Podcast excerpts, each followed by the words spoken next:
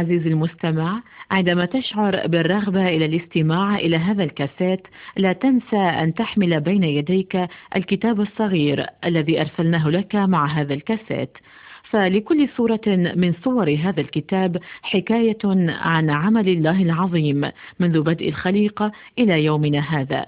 وعندما يتوقف الحديث وتسمع أصواتا أخرى أو موسيقى عليك أن تقلب الصفحة وإذا كان يوجد على الصفحة أكثر من صورة نبدأ الحديث دائما بالصورة التي على الشمال. فإلى حكاية الصورة الأولى بعد لحظات.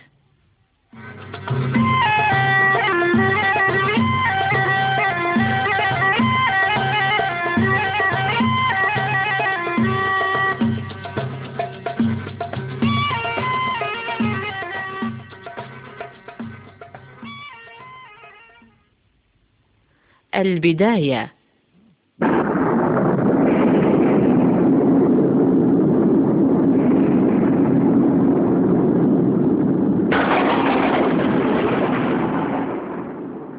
في البدء وجد الله وحده الإله الحقيقي الواحد.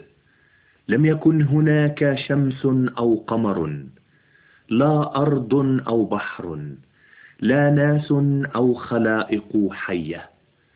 وتكلم الله فخلق النور والظلمة المياه والأرض اليابسة.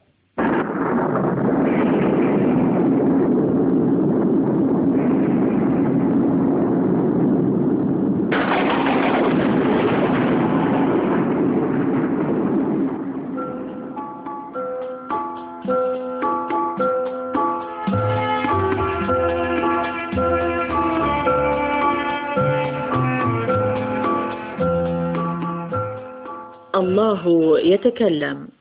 الكتاب في هذه السورة هو الكتاب المقدس. فيه الكلمات التي يريد الله أن يسمعها الإنسان. يخبرنا الكتاب المقدس عن محبة الله لجميع الناس ويدلنا إلى طريق السلام والسعادة. كل شيء سوف تسمعه هو من الكتاب المقدس. فاسمع وتعلم ما يريدك الله أن تعرف.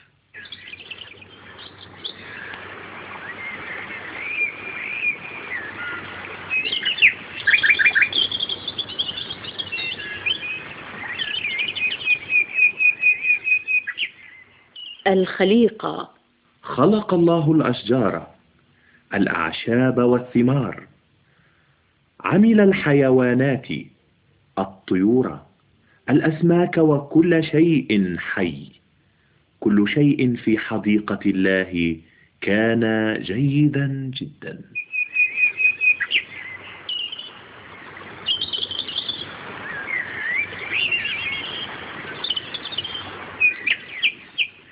آدم وحواء. بعد ذلك خلق الله إنسانا ودعاه آدم وامرأة ودعاها حواء. وأعطاها لآدم لتكون زوجته. أحب الله الرجل والمرأة. تكلم معهما وتكلماهما معه. جعل الله الإنسان سيدا على كل الأشياء الحية. سكن آدم وحواء في حديقة ملأى بالأشجار الجميلة. وقال لهما إنهما يقدران أكل أية ثمرة في الحديقة؟ ما عدا ثمرة إحدى الأشجار. لكن الشيطان الذي هو عدو الله جرب حواء فأكلت من تلك الثمرة وأعطت آدم. لم يطيعا أمر الله إذ أخطأا. لذلك قاصصهما الله وطردهما من الحديقة. لقد انفصلا عن الله لكنه لا يزال يحبهما. لذلك وعد الله أن يعمل للإنسان طريقة للرجوع إليه.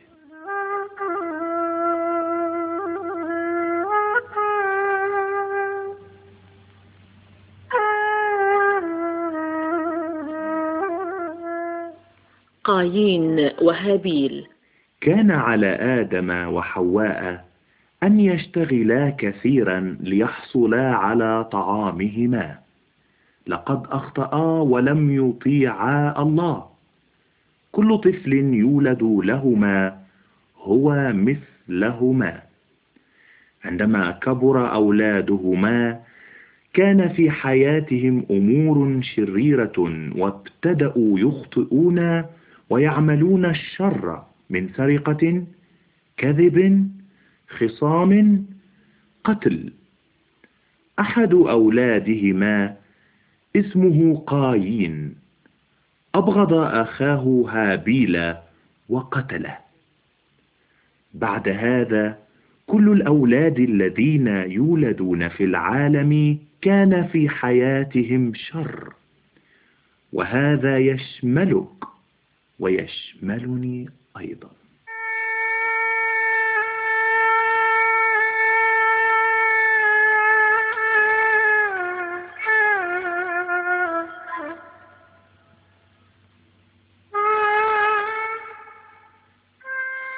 فلك نوح. مرت السنوات فتكاثر الناس على الأرض لكنهم لم يريدوا أن يطيعوا الله. فقرر الله أن يقاصصهم فخطط أن يرسل طوفانا عظيما.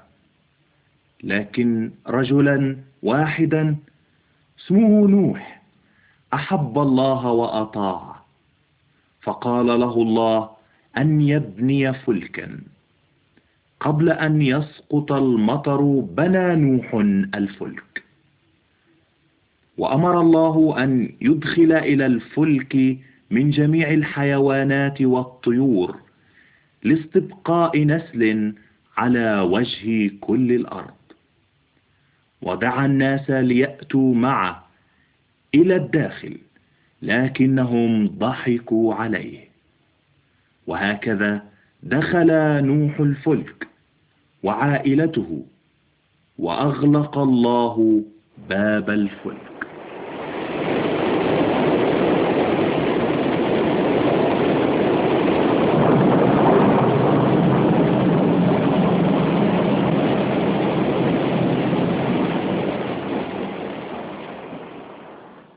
الطوفان. بعد ذلك سقط المطر غزيرا وانفجرت كل ينابيع الغمر العظيم فامتلأت الأرض بالطوفان حتى الجبال تغطت بالمياه. كل واحد كان خارج الفلك غرق. كثيرون منهم أرادوا أن يدخلوا السفينة لكن الوقت كان متأخرا. لقد غرقوا لأنهم لم يصدقوا قول الله لنوح. لوقت طويل غطت المياه الأرض لكن أخيرا انتهى الطوفان. خرج نوح وعائلته من السفينة. لقد خلصهم الله لأنهم أطاعوا كلمته. بعد هذا وضع الله قوس قزح في السماء كوعد بأنه لا يعود يقاصص الناس بطريقة الطوفان.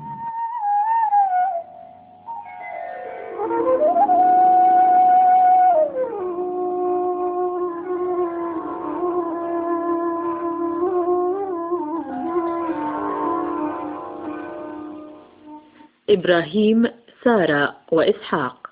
بعد زمان طويل تكاثر الناس وتفرقوا في أماكن كثيرة وتكلموا لغات عديدة. كان إبراهيم من نسل نوح وكان رجلا طيبا. الله وعد إبراهيم وسارة بأن يكون لهما ولد رغم أن سارة كانت كبيرة السن. بحيث أنها لا تستطيع أن تنجب ولدا. لكن إبراهيم بقي مؤمنا بوعد الله.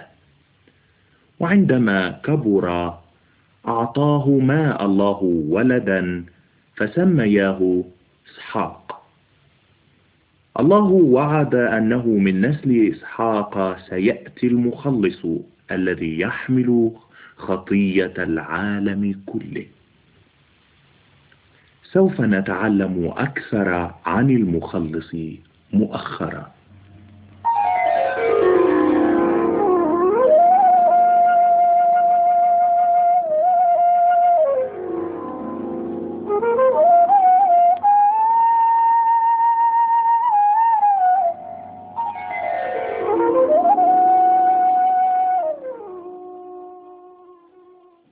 موسى والناموس. موسى رجل آخر أحب الله وأطاعه. كان من نسل إبراهيم وإسحاق. قال الله لموسى أن يتسلق جبلا عاليا. أطاع موسى. والله غطى الجبل بالغيوم وكان رعد وبرق. عندئذ كلم الله موسى وأعطاه الناموس للشعب لكي يحفظوه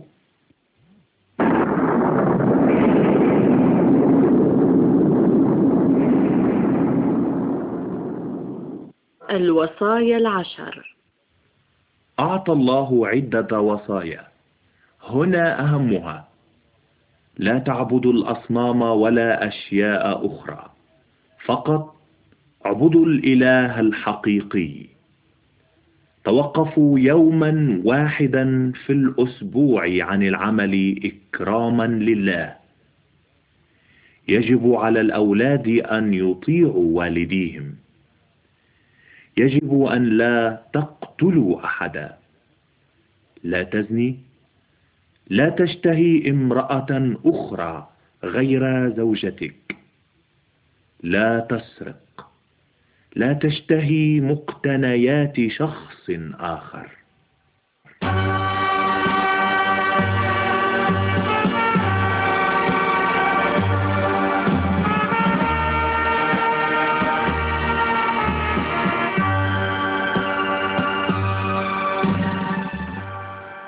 ذبيحة عن الخطية. لكن صعب جدا أن نحفظ كل وصايا الله. كان الناس في تلك الأيام مثلنا نحن. كانوا دائما لا يطيعون ناموس الله.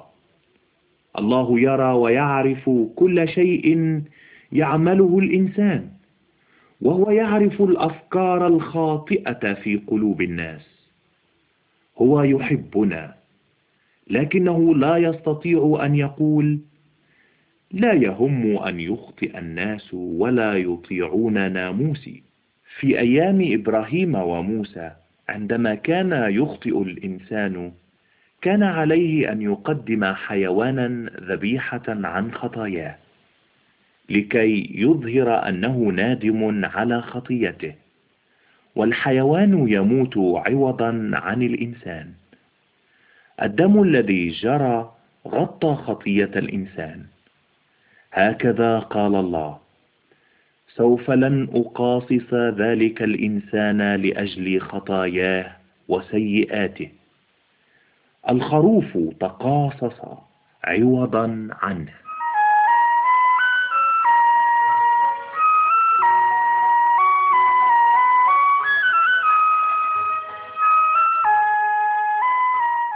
الملاك ومريم.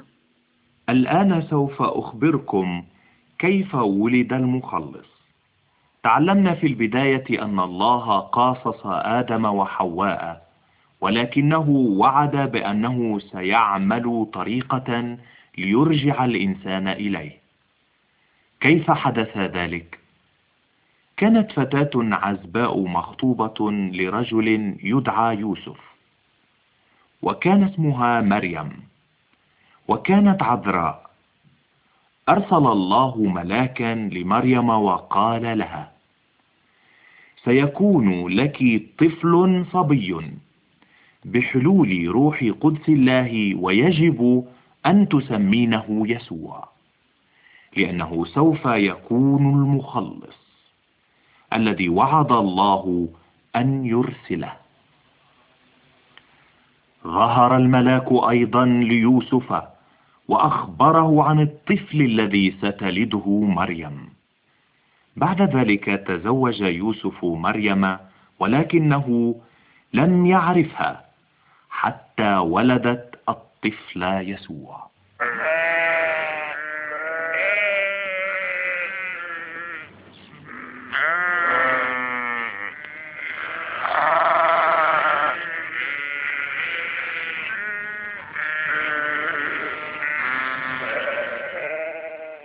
ولادة يسوع. الآن حان الوقت لتلد مريم.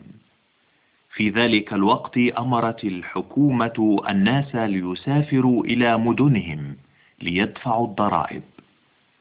ذهب يوسف ومريم إلى بيت لحم ولكن لم يكن لهما مكان جيد ليبقوا فيه.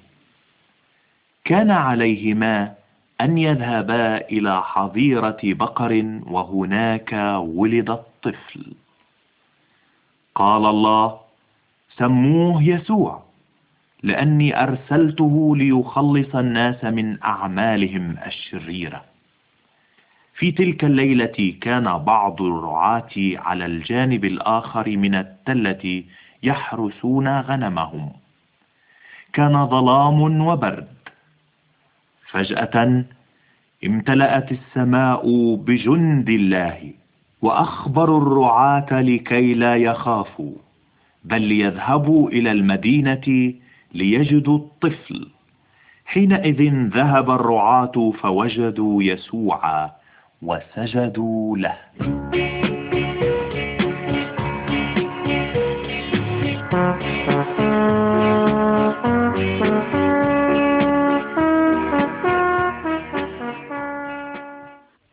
يسوع في حداثته كبر الصبي يسوع شيئا فشيئا.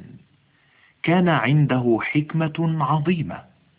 وفي سن الثانية عشرة تكلم مع رؤساء الدين عن الله وكانوا يتعجبون من حكمته. عندما كبر يسوع وصار رجلا ذهب ليعلم الناس عن الله. وقال الله يجب أن تسمعوا ليسوع. إذا أطعتم كلام يسوع أطعتم كلامي.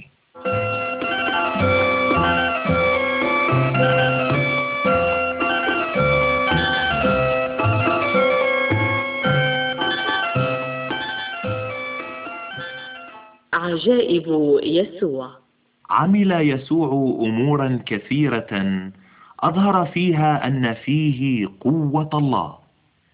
جماهير من الناس تبعوه وأتوا بالمرضى والعمي فشفاهم كلهم. هنا يشفي رجلا أعمى ويقيم بنتا من الموت ويمشي على الماء. قال يسوع للريح والأمواج أن تهدأ. فأطاعته.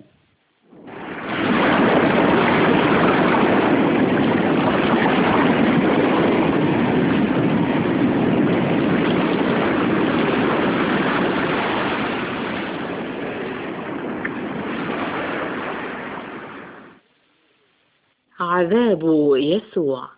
ألوف الناس تبعوا يسوع. أرادوا أن يجعلوه ملكهم. كان يقول لهم دائما أن يطيعوا ناموس الله. ولكن قواد الشعب حسدوه وغضبوا منه جدا. أخذوه إلى المحكمة فجلده الجنود. ضحكوا عليه ووضعوا إكليلا من الشوك على رأسه. لكن يسوع لم يهاجم أو يهرب. رضي أن يتعذب لأنه جاء ليأخذ قصاص أعمال الناس الشريرة.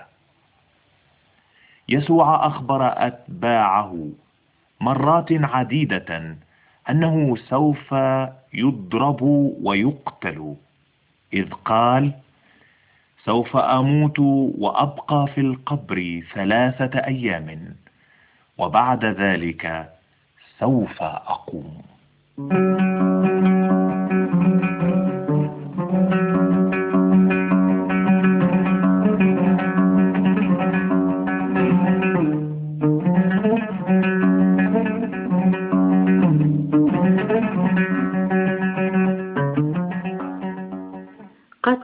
يسوع.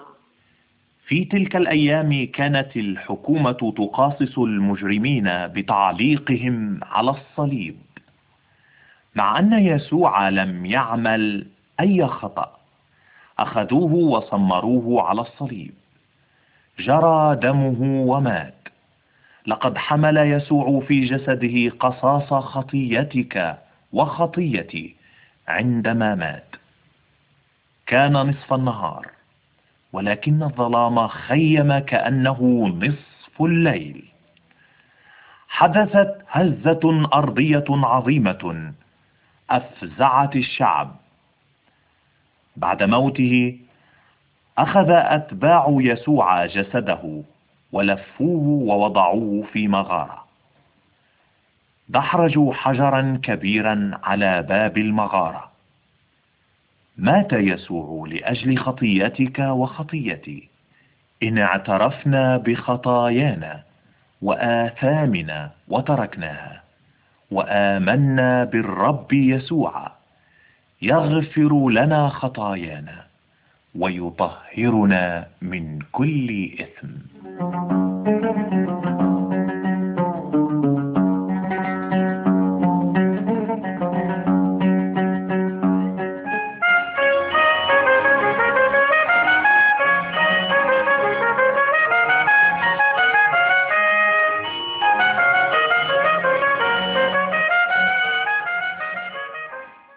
القيامة. بعد ثلاثة أيام أتى بعض النسوة اللواتي عرفن يسوع إلى المغارة فوجدنا الحجر الكبير قد دحرج لكن جسد يسوع غير موجود إنما أكفان جسده كانت هناك. وقال لهم ملاك من السماء ليس هو ها هنا. لكنه قام. إنه حي. لقد أخبركم مرات كثيرة بأنه سيقوم. ثم ذهبت النساء وأخبرنا أصدقاء يسوع. فأتوا لينظروا المغارة وتذكروا قوله لهم. بعد ذلك رأى كثير من الناس يسوع.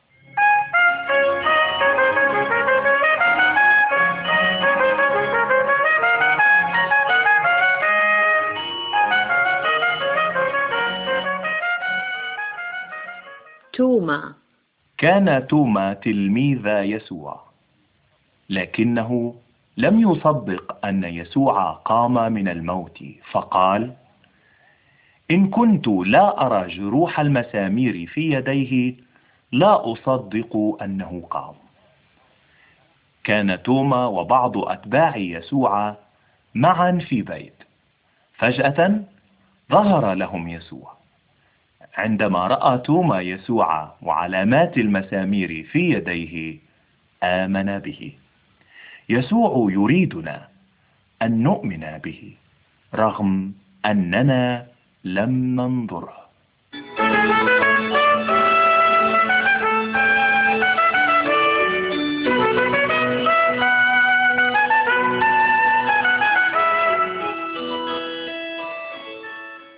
الصعود.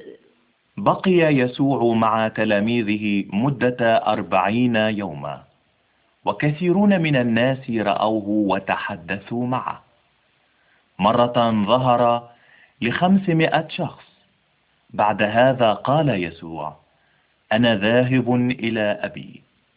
سوف لا أترككم وحيدين. سوف أرسل الروح القدس ليسكن فيكم. بعد ذهابي يجب أن تخبروا جميع الناس بأنني صلبت لأحتمل قصاص خطاياهم. كل شخص يؤمن بي تغفر خطاياه وتكون له الحياة الأبدية في السماء. بعد هذا رأى الأتباع يسوع صاعدا إلى السماء. في الوقت نفسه ظهر ملاكان وقالا. سيعود يسوع ثانية في الطريقة نفسها التي ذهب بها.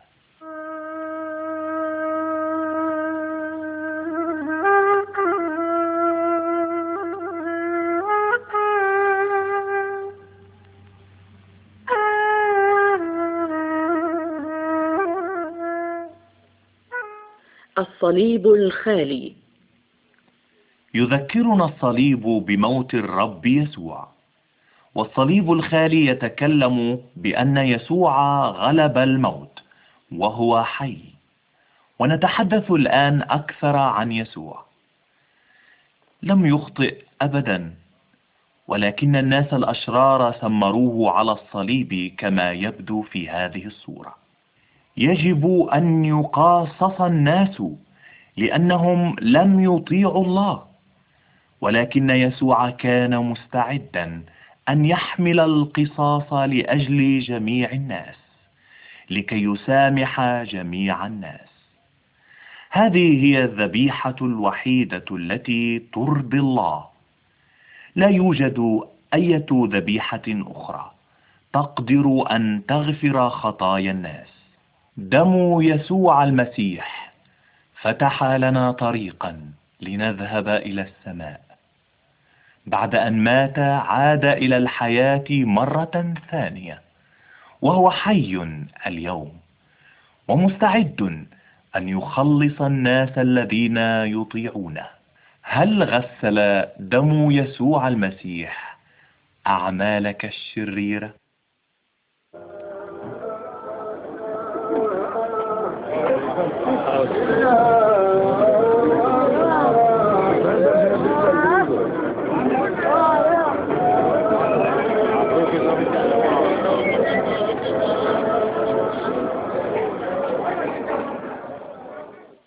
الطريقان قال يسوع يوجد طريقان طريق واسع وطريق ضيق.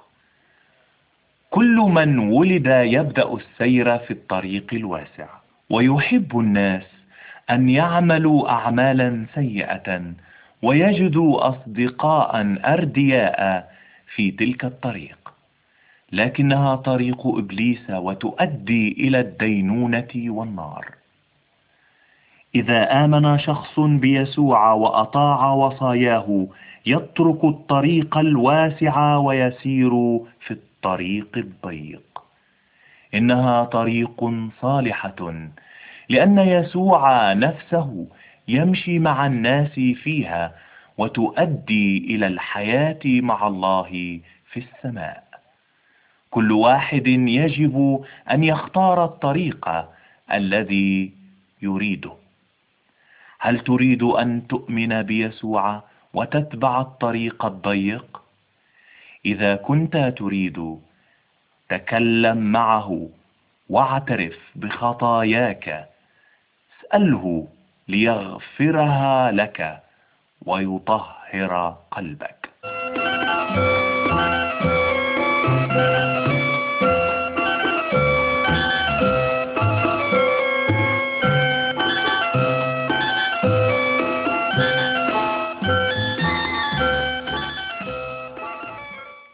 عائلة الله. إذا كنا نؤمن أن يسوع مات ليأخذ قصاص خطايانا تغفر خطايانا. عندها يمكننا أن ندعو الله أبانا لأنه يقبلنا كما يقبل الأب أولاده. الله يريد أن كل شخص في العالم ينضم إلى عائلته.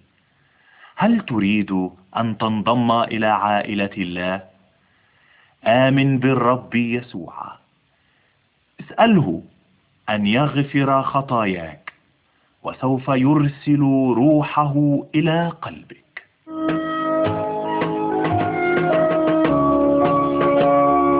نحن بنو الآن. الرحيم. وكلنا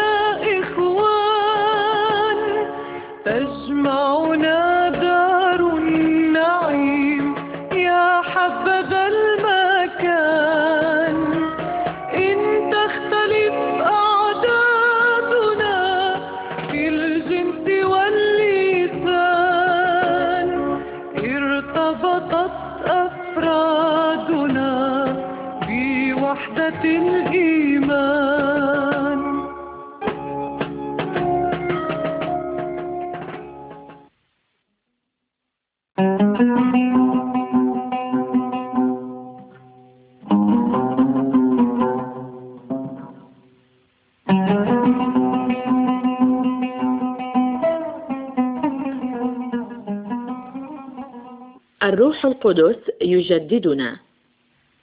نرى في هذه السورة الرب يسوع يتكلم مع معلم في الدين اسمه نيقوديموس. أتى إلى يسوع في الليل. قال له يسوع يجب أن تولد مرة ثانية. إذا كنت تريد أن تذهب إلى السماء. قال نيقوديموس كيف يقدر رجل أن يولد مرة ثانية؟ ففسر يسوع قائلا الحياة التي تعيشها الآن هي من والديك. فهي تخص هذه الأرض فقط. عليك أن تأخذ حياة جديدة من السماء أن تولد من جديد فقط. روح قدس الله الذي يقدر أن يغيرنا ويجعلنا أناسا جددا. لا نستطيع أن نغير أنفسنا. إذا اعترفنا أننا خطاة وآمنا بيسوع يجدد الروح القدس حياتنا الحياة الجديدة التي يعطينا إياها يسوع هي من الله.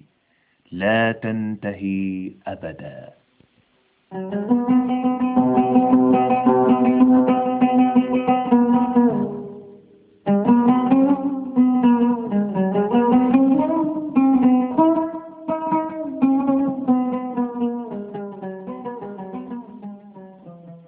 مجيء الروح القدس.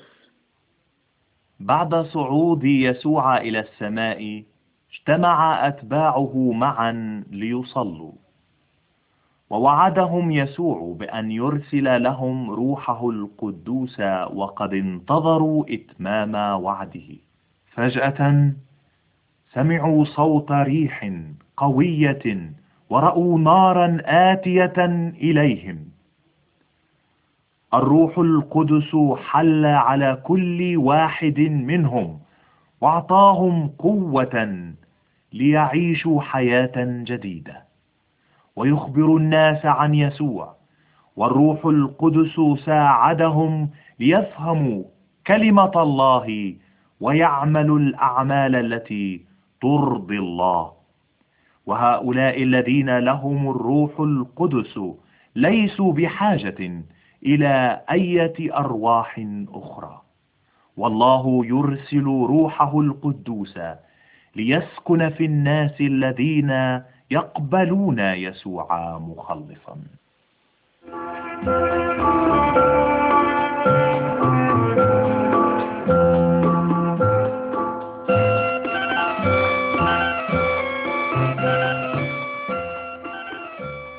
السير في النور.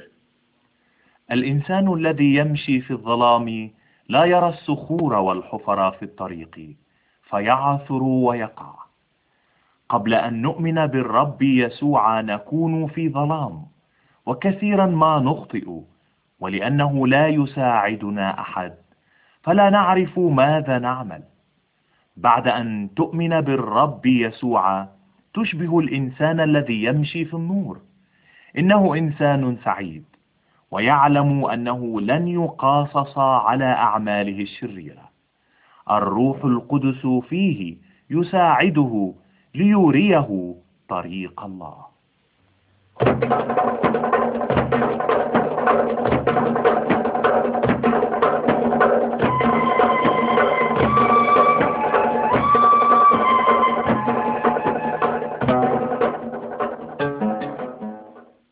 لا تحب العالم. المسيحي يطيع كلمة الله وهو شكور جدا لأن الله غفر خطاياه. يترك كل طرقه الماضية لا يأكل طعاما مقدما عن الأرواح والأصنام. لا يقيم علاقة غير طاهرة مع أية امرأة. لا يخاصم أو يسرق أبدا. لا يعبد آلهة مزيفة. وأصنام ولا يتشفع بالأموات. لقد تخلى عن كل هذه الأمور.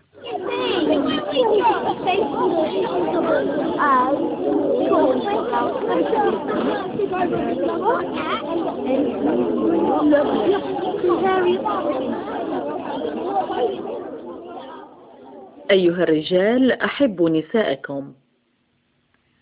إن بيت العائلة المسيحية هو بيت سعيد.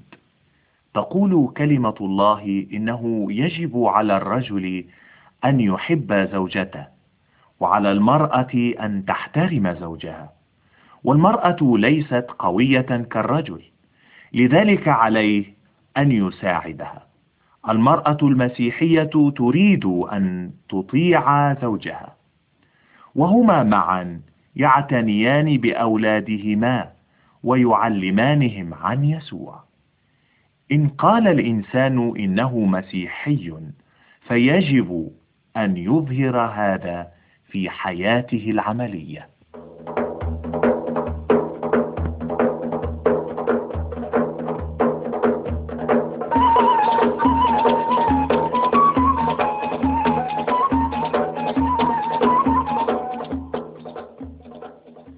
أحبوا أعداءكم.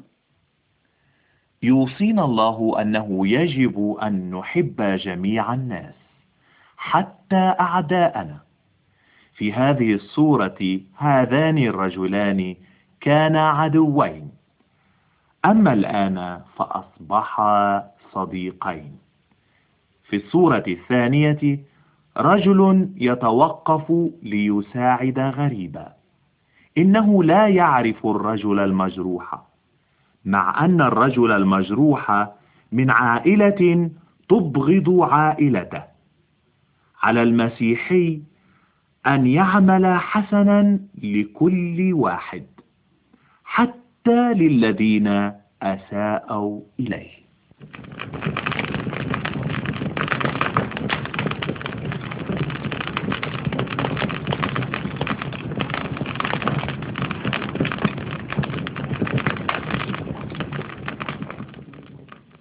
يسوع السيد الوحيد. هذان الرجلان يرميان الأصنام والجواهر في النار.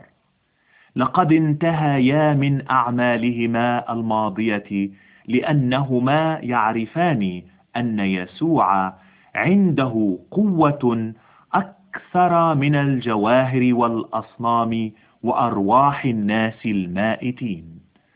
قال يسوع لا يمكن أن يكون عندكم سيدان.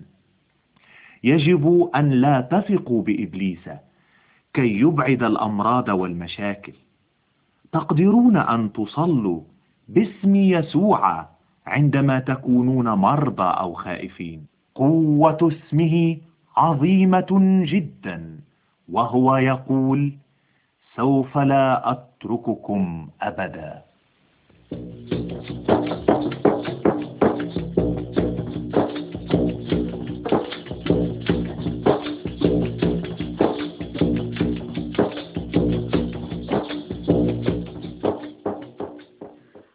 طارحين الشياطين خارجا.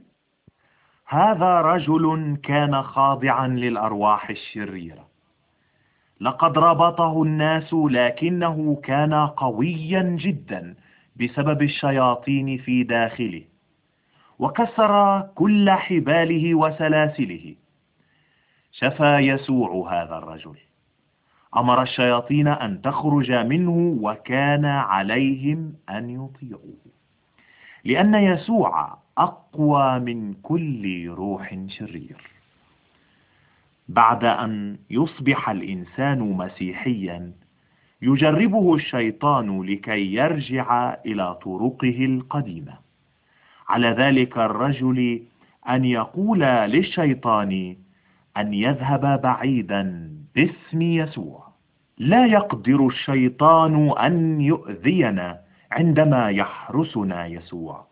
لذلك لا تخافوا من الظلمة أو الشؤم أو النذور أو الأرواح الشريرة. يسوع أقوى منها جميعا.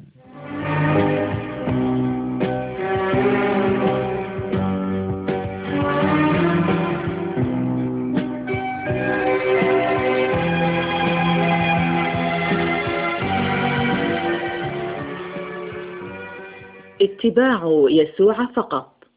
يخبرنا الله بأننا في حرب ليس ضد الناس بل ضد الشيطان. المسيحيون يريدون أن يتبعوا ويطيعوا يسوع لكن الشيطان يريدهم أن يتبعوه وينسوا الله. انظروا الرجل في وسط الصورة.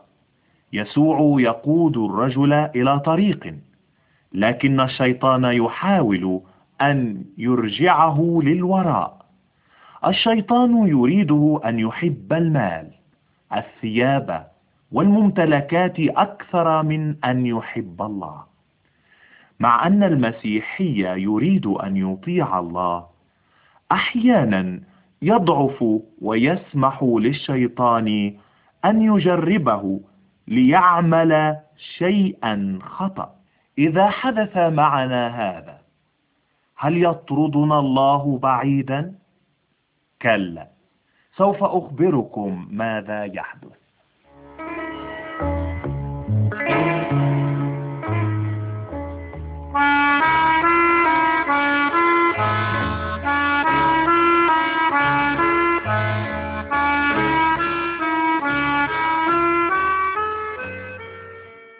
إذا أخطأنا.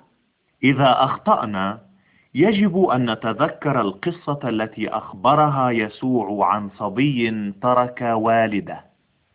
كان الوالد رجلا غنيا وصالحا لكن الصبي لم يرد أن يبقى في البيت. أخذ المال الذي أعطاه إياه والده وذهب إلى مكان بعيد. هناك أخطأ كثيرا. صرف المال الذي أعطاه إياه والده قمر وسر نفسه وصرف المال مع أصدقاء فاسدين. عندما انتهى المال تركه أصدقاؤه. كان جائعا ولم يكن عنده مكان للسكن. عندئذ قال لنفسه كنت مجنونا جدا. لقد أخطأت لكني سوف أرجع إلى أبي وأطلب غفرانه. وهكذا عاد إلى البيت وطلب المغفرة. ولأن والده كان يحبه غفر له قبله وعمل وليمة عظيمة. هذا ما يحدث إذا أخطأنا. عندما نرجع عن أعمالنا الخاطئة ونعترف بخطايانا الله دائما مستعد ليغفر لنا. لأن يسوع مات ليأخذ عنا خطايانا.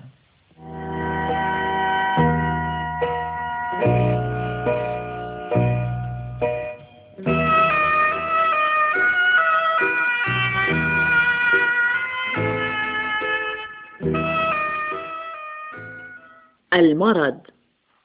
المرض يأتي إلى جميع الناس. يوجد أسباب عديدة للمرض. أحيانا لأن الناس لا يوجد عندهم الطعام الكافي ليأكلوا أو لأنهم يشربون مياها ملوثة أو غير نقية بعض الأحيان يأتي المرض من السحر أو العرافة والأرواح الشريرة ماذا نقدر أن نفعل بالنسبة للمرض؟ يجب أن نتعلم كيف نعتني بأجسادنا وأجساد أولادنا. يوجد مستشفيات وأطباء. نقدر أن نذهب إليهم عندما نحتاج مساعدة. إذا كنت مريضا صل ليسوع لكي يساعدك. لا تطلب مساعدة طبيب سحري أو روح إنسان ميت. يسوع يقدر أن يشفيك.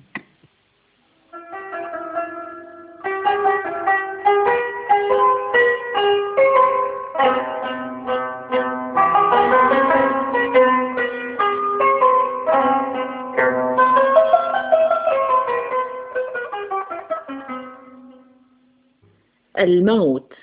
يوما ما سوف نموت جميعا. إذا مات إنسان وكان مؤمنا بالرب يسوع يدفن جسده ولكن نفسه تذهب إلى السماء لأن خطيته قد غفرت. الإنسان الذي رفض أن يؤمن بيسوع سوف يقاصص بعد موته لأجل خطيته. إلى أين سوف تذهب عندما تموت؟ إذا كان يسوع قد جعلك إنسانا جديدا وغفر لك خطاياك لست بحاجة أن تخاف من الموت.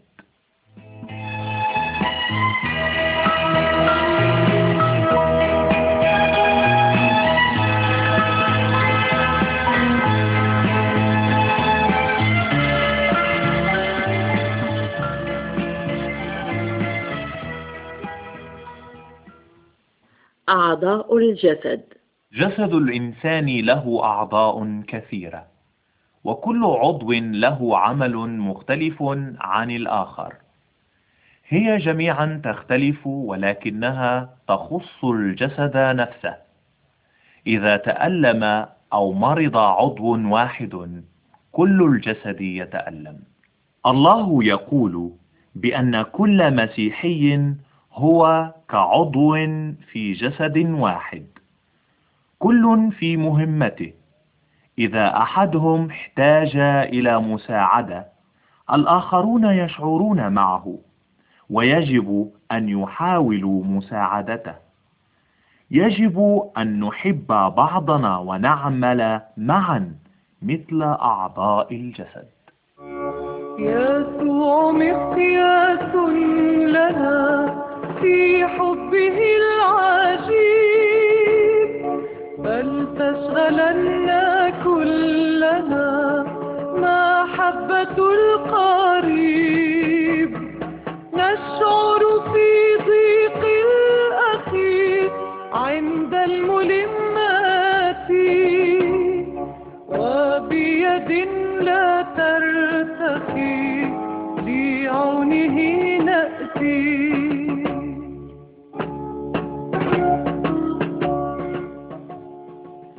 الاجتماع معا.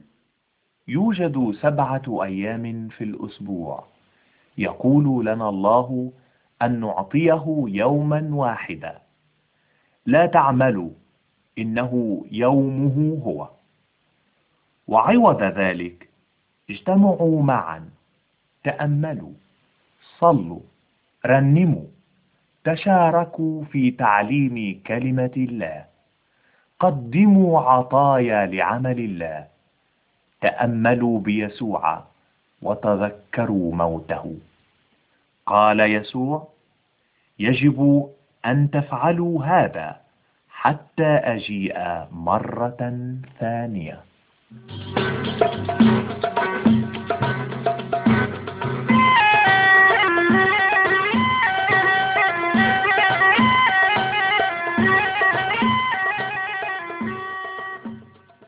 يسوع آت مرة ثانية.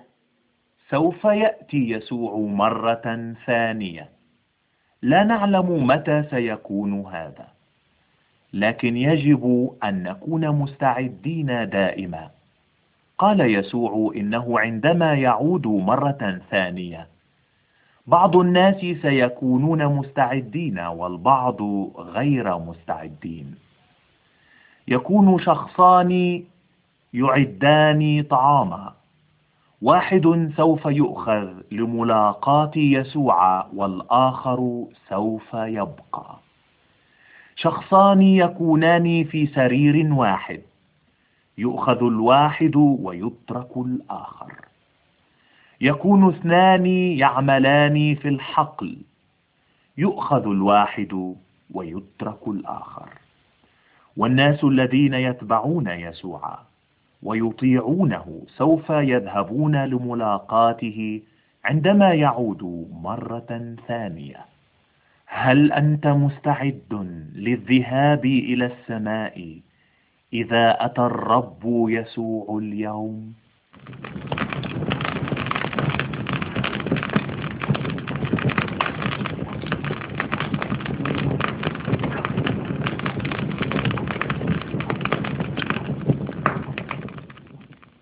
حاملين ثمارا. هذان الرجلان يحرقان أغصانا يابسة فهي أغصان لم تحمل أية ثمار. يسوع يتوقع من المسيحيين أن يحملوا ثمارا. حياتهم يجب أن تكون ملآنة بالثمار الجيدة مثل الفرح القداسة اللطف مساعدة الآخرين يعيشون حياة نظيفة. الإنسان الذي يؤمن بيسوع سوف يعيش حياة أفضل من الحياة التي كان يعيشها قبل الإيمان. لا تكن مثل غصن ميت الذي يرمونه في النار ليحترق. دع يسوع يغيرك. إلى إنسان جديد فتصبح حياتك مثمرة.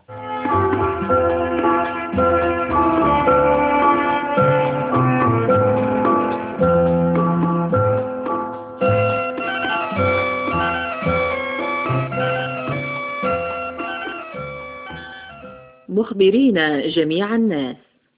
قال يسوع لأتباعه اذهبوا إلى كل مكان وخبروا كل واحد عني. في اسمي قوة عظيمة.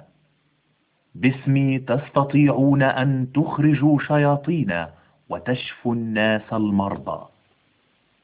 في هذه الصورة رجل يتكلم مع رجل آخر عن يسوع. إنه يطيع أمر يسوع. لهذا السبب نحن أخبرناكم عن يسوع هل ستخبرون الآخرين ماذا تعلمتم عن يسوع؟ عندما نفعل هذا نحصل على وعد يسوع القائل روحي معكم وفيكم أنا دائما معكم بالتأكيد هذه أخبار سارة لكل الناس.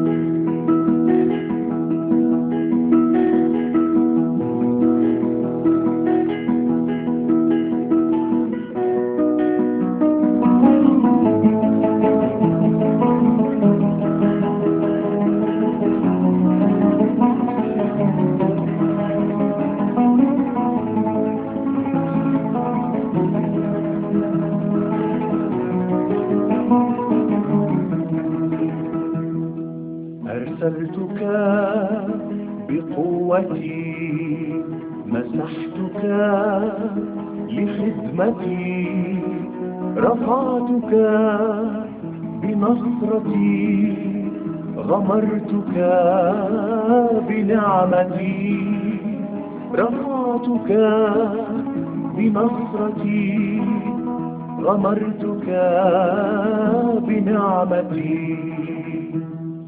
هيا ابذل البذار بعزم وانتصار كي تجني الثمار فها أنا معك لا تخشى من صعاب أبدد الضباب وأفتح الأبواب. فها أنا معك فها أنا معك.